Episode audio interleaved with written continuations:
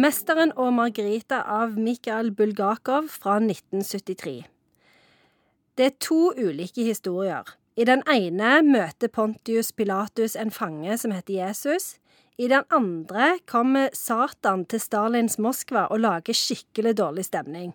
I tillegg møter vi ei vakker kvinne som heter Margarita, og en katt som drikker utrolig mye vodka. Den fikk jeg litt lyst på. Ja, Den, den fikk jeg bitte litt, men jeg har jo gått og trodd at den der margarita var en drink jeg, hele veien. Mesteren og margarita. Én til, to, to strawberry. Kanskje det er det, det katten drikker, muligens? De drikker vodka, og så spiser de karpe. Og det er stort sett eh, det de holder på med hele tida. Men pluss at djevelen driver jo og fucker opp stemningen hele tida.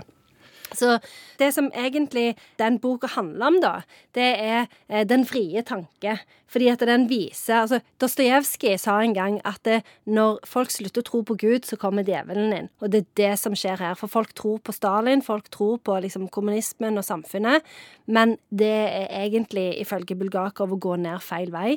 Eh, så dette er en slags sånn varsko om at nå må dere ta dere sammen. Men du sa to historier.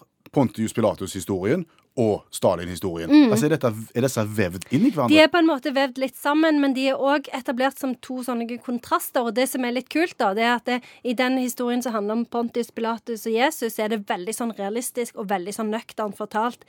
Mens i den historien som handler om liksom 20-tallets eh, Moskva, der er de der vodkadrikkende kattene og all denne fantastiske disse fantastiske tingene som skjer da. Så det er jo ganske sånn gøy kontrast, og motsatt av det du kanskje skulle tro. Men denne boka husker jo jeg for noen år tilbake at alle sa jeg burde ha lest, og så har jeg jo ikke lest den. Bør jeg lese den nå? Ja, for denne her er faktisk ganske gøy.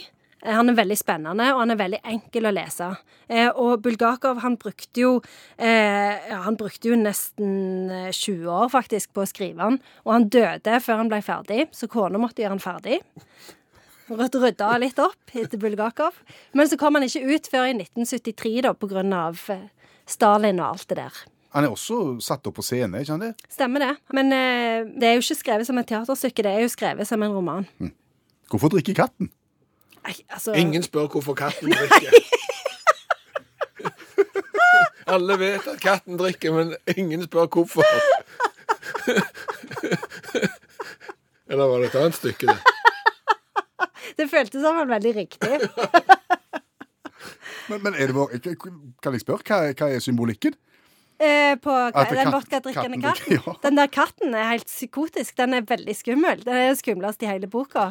Så, så bare Det er ingen som skjønner hva katten holder på med. Hva heter han? Katter, katter har ikke navn. De trenger ikke navn, for de vet hvem de er. Jeg får svar på alt. Jeg har sitat òg. Ja, jeg, jeg vil gjerne spørre deg om det. Har du et sitat? Ja. Fra mesteren og Margarita. Ja. Em, ikke spør om noe, i hvert fall ikke fra noen som er mektigere enn deg selv. Og så har jeg et til. Hva har du egentlig? spurte Berlioz. Aprikosbrus, men den er lunken, sa damen. Nå, hell opp, hell opp, hell opp. Det høres ut som et dårlig bursdagsselskap fra 1982. Var dette et eksempel på der kona har overtatt og skrevet resten? Hun er litt sånn, Å, nå er jeg lei av denne vodkadrikkende katten. Hun må ha litt realisme. OK. Eh, hvis vi skal samle trådene litt, vi har snakket om mesteren og Margarita. Ja. Vil du oppsummere verket for oss? Det kan vi godt. Det er litt eh, Pontius Pilatus, eh, litt eh, Stalin, litt Satan er der igjen. Og så trodde jeg at Margarita var en drink. Så viser det seg at det egentlig handler om vodka og litt død aprikosbrus som er lunka og ikke bør serveres i bursdagsselskap. Og ikke glem den kjempenifse katten. Nei.